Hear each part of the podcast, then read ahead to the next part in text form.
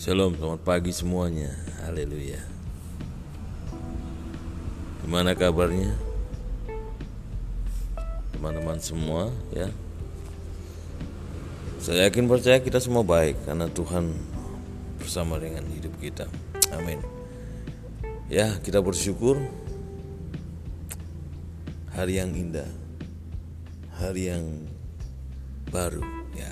Meskipun pandemi masih ada ya. Tetaplah kita menikmati kasih setia Tuhan. Amin. Ya. Puji Tuhan saudara yang dikasih Tuhan. Bagaimana? Sudahkah kita uh,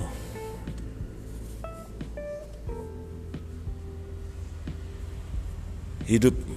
Ya, sudahkah kita ini hidup lebih taat lagi dengan Tuhan? Sudahkah kita hidup lebih setia lagi dengan Tuhan? Kenapa ya? Ini memang pilihan, saudara. Kenapa kita harus setia dan taat kepada Tuhan? Ini pilihan.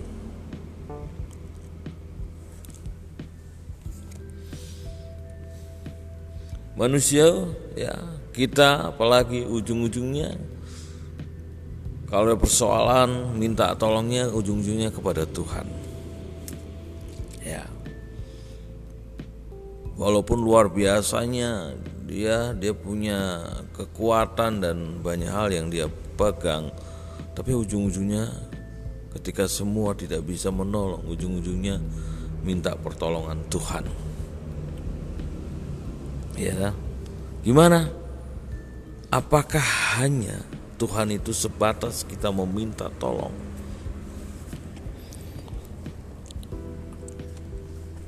Tentunya tidak ya, karena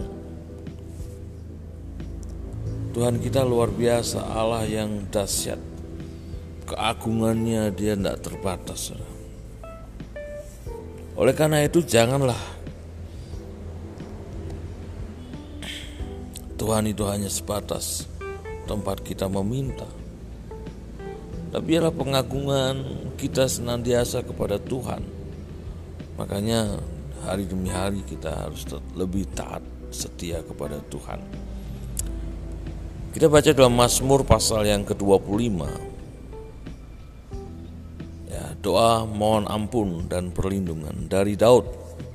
Kepadamu ya Tuhan, kuangkat jiwaku.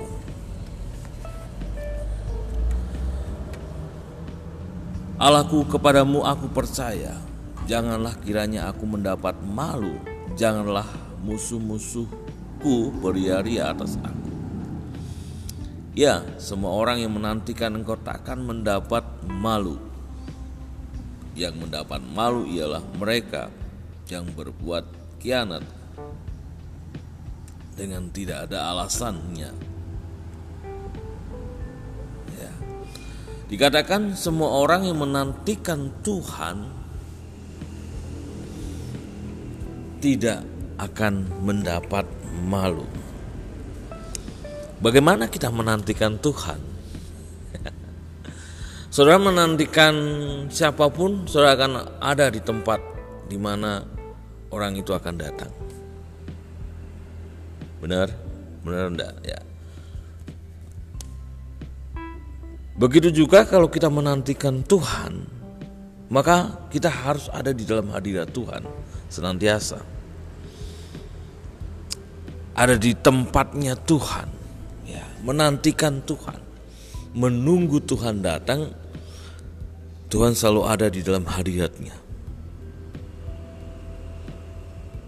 Tuhan tinggal di dalam hadiratnya. Kalau kita menantikan Tuhan, ya otomatis kita harus selalu ada di dalam hadirat Tuhan tinggal di dalam Tuhan. Wow, luar biasa. Ini keputusan. Ya, ini pilihan.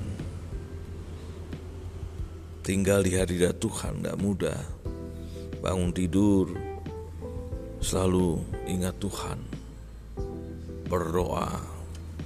Ya, kenapa saya selalu ingatkan untuk berdoa dan bersatu tuh ya? Karena ini hidup kita, Saudara. Kenapa saya selalu berkata selalu berdoalah ya bersaat teduhlah dekat-dekat dengan Tuhan karena ini hidup kita. Napas kehidupan kita. Kalau engkau kamu ndak uh, ada di hadirat Tuhan, engkau keluar dari hadirat Tuhan, engkau akan mati. Ya, matinya bukan mati saja jasmani. Karena kehidupan kita ini adalah karena anugerah kemurahan Tuhan. Kita menantikan Tuhan. Bagaimanapun kita harus tinggal di hadirat Tuhan. Ya enggak? Itu. Tinggallah di hadirat Tuhan. Tuhan selalu ada di hadiratnya. Ya, bukan kita menunggunya ya di tempat lain kita harus sungguh-sungguh ya, lebih dekat lagi hari-hari ini, saudara. Tidak bisa kita santai-santai karena waktunya kok masih lama kayaknya ya. Tidak bisa santai-santai. Hidup kita ini hari ini ini harus benar-benar kita lebih setia lagi, lebih taat lagi. Dikatakan orang yang menantikan Tuhan takkan mendapat malu. Ya,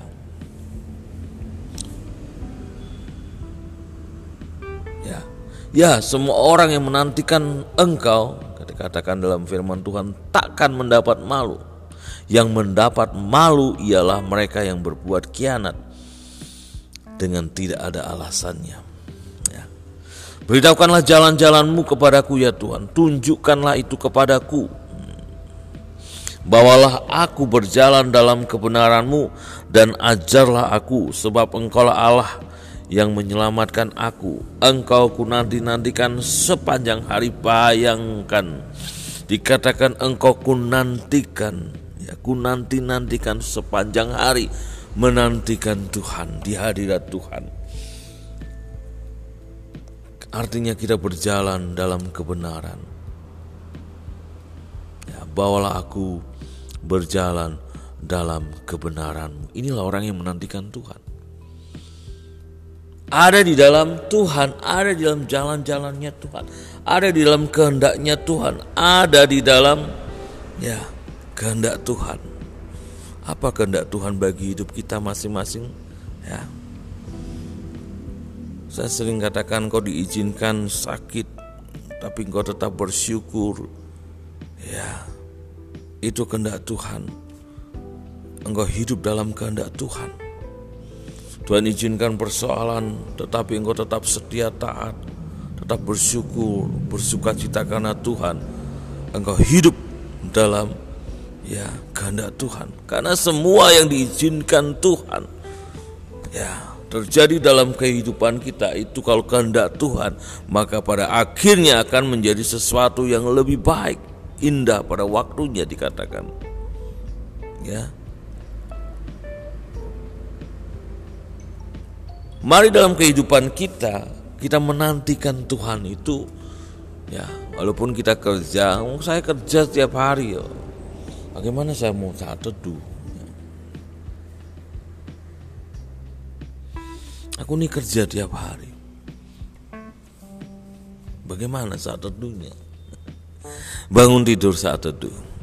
Di dalam pekerjaan pun kita bisa masih ada dalam hadirat Tuhan. Loh. Tuhan itu tidak dibatasi oleh apa pun. Saudara. Kita berbicara dengan Tuhan melalui hati nurani kita. Kita di dalam hati kita, dalam hati kita. Walaupun tidak terdengar, tapi hati kita uh, berseru kepada Tuhan. Ya, dalam pekerjaan kita. Cari Tuhan, menantikan Tuhan itu. Meskipun dalam pekerjaan, tapi hati kita ini terkonek dengan Tuhan, ya bersyukur, terima kasih Tuhan, menyembah Tuhan, memuji Tuhan. Berarti kita ada dalam hadirat Tuhan. Ya. Kita sibuk dengan pekerjaan kita, tetapi hati kita tetap ada di dalam hadirat Tuhan. Tidak terbatas apa pun ruang dan waktu. Di mana pun engkau berseru kepada Tuhan, di mana pun engkau menyembah ya dengan kesungguhan hati memanggil nama Tuhan Tuhan ada di situ. Walaupun situasi ramai sekalipun dalam pekerjaan tetapi hatimu luar biasa dengan Tuhan. Ya pikiranmu ya pikiranmu tidak menjadi pikiran duniawi, pikiran menjadi pikiran Tuhan. Di situlah hadirat Tuhan. Makanya ini tidak mudah. Ya, hati dan pikiran kita ini sering kali ke mana-mana. Melihat makanya mata ini melihat sesuatu lalu terkonek dengan hati dan pikiran dan terjadilah hal-hal yang tidak diperkenan Tuhan. Tuhan mau supaya kita menantikan Tuhan luar biasa. Lanjut, ingatlah ya segala rahmatmu dan kasih setiamu ya Tuhan, sebab semuanya itu sudah ada sejak purbakala. Dosa-dosaku pada waktu muda dan pelanggaran-pelanggaranku janganlah kau ingat, tetapi ingatlah kepadaku sesuai dengan kasih setiamu ya, oleh karena kebaikanmu ya Tuhan. Tuhan itu baik dan benar Sebab itu ia menunjukkan jalan kepada orang-orang yang sesat. Ia membimbing orang-orang yang rendah hati menurut hukum dan ia mengajarkan jalannya kepada orang-orang yang rendah hati.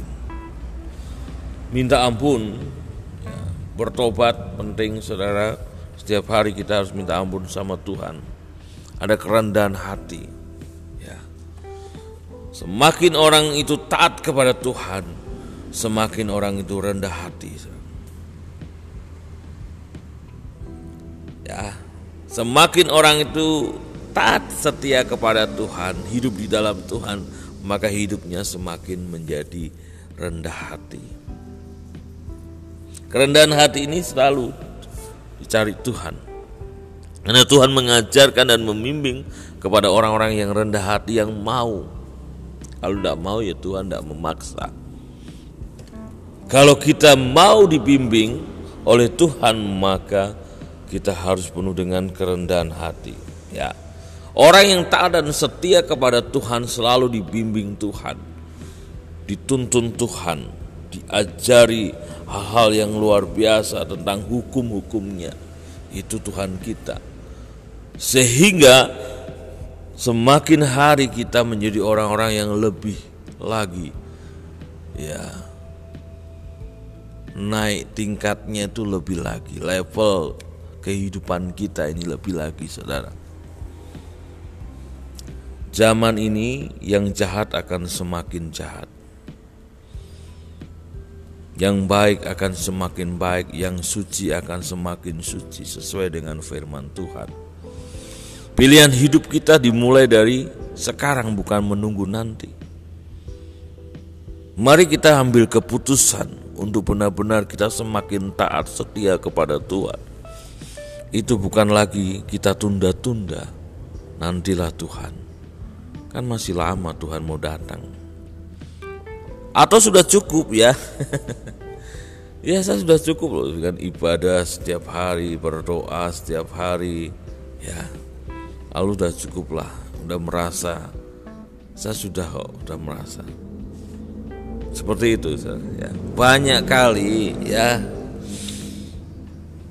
orang-orang yang ya rohani kelihatannya tapi dia merasa luar biasa. Ya apakah itu benar? Tidak sesuai tidak ya. Kita harus lebih rendah hati dan kita harus terus berjuang. Karena kita masih ada di dalam dunia ini. Kerendahan hati ya. Segala jalan Tuhan adalah kasih setia dan kebenaran bagi orang yang berpegang pada perjanjiannya dan peringatan-peringatannya. Oleh karena namamu ya Tuhan, ampunilah kesalahanku, sebab besar kesalahan itu. Siapakah orang yang takut akan Tuhan? Ya, kepadanya Tuhan menunjukkan jalan yang harus dipilihnya. Orang itu sendiri akan menetap dalam kebahagiaan, ya, dan anak cucunya akan mewarisi bumi Tuhan bergaul karib dengan orang-orang yang takut akan dia dan perjanjiannya diberitahukannya kepada mereka. Ya. Orang yang takut akan Tuhan. Tadi kerendahan hati. Yang kedua adalah orang yang takut akan Tuhan. Kalau kita lebih taat kepada Tuhan, setia kepada Tuhan, menjadi orang yang rendah hati, menjadi orang yang takut akan Tuhan. Kenapa? Tuhan itu bergaul karib dengan orang-orang yang takut akan dia dikatakan. Dan perjanjiannya diberitahukan kepada mereka yang takut akan Tuhan. Sudahkah kita takut akan Tuhan? Nah itu. Kerendahan hati dan takut akan Tuhan itulah kehidupan kita hari-hari ini. Kita lebih taat setia dengan ya bagaimana kita taat dan setia. Lebih rendah hati lagi, lebih takut akan Tuhan lagi. Luar biasa. Yang ketiga, ketulusan dan kejujuran ya ayat yang ke-21 kita langsung ayat yang 21 Ketulusan dan kejujuran kiranya mengawal aku sebab aku menanti-nantikan engkau. Ketulusan, kejujuran. Kerendahan hati takut akan Tuhan, ketulusan dan kejujuran. Inilah orang-orang yang taat setia kepada Tuhan. Banyak orang ke gereja dengan ada keinginan-keinginan yang lain, bukan ketulusan. Ada orang yang menghampiri Tuhan, ya, karena dia butuh sesuatu. Boleh-boleh saja. Tetapi Tuhan mau kita tulus dengan Tuhan di hadapan Tuhan. Tuhan mau di hadapan Tuhan kita jujur apa adanya. Ya, ketulusan dan kejujuran. Banyak orang yang tidak tulus, banyak orang yang tidak jujur.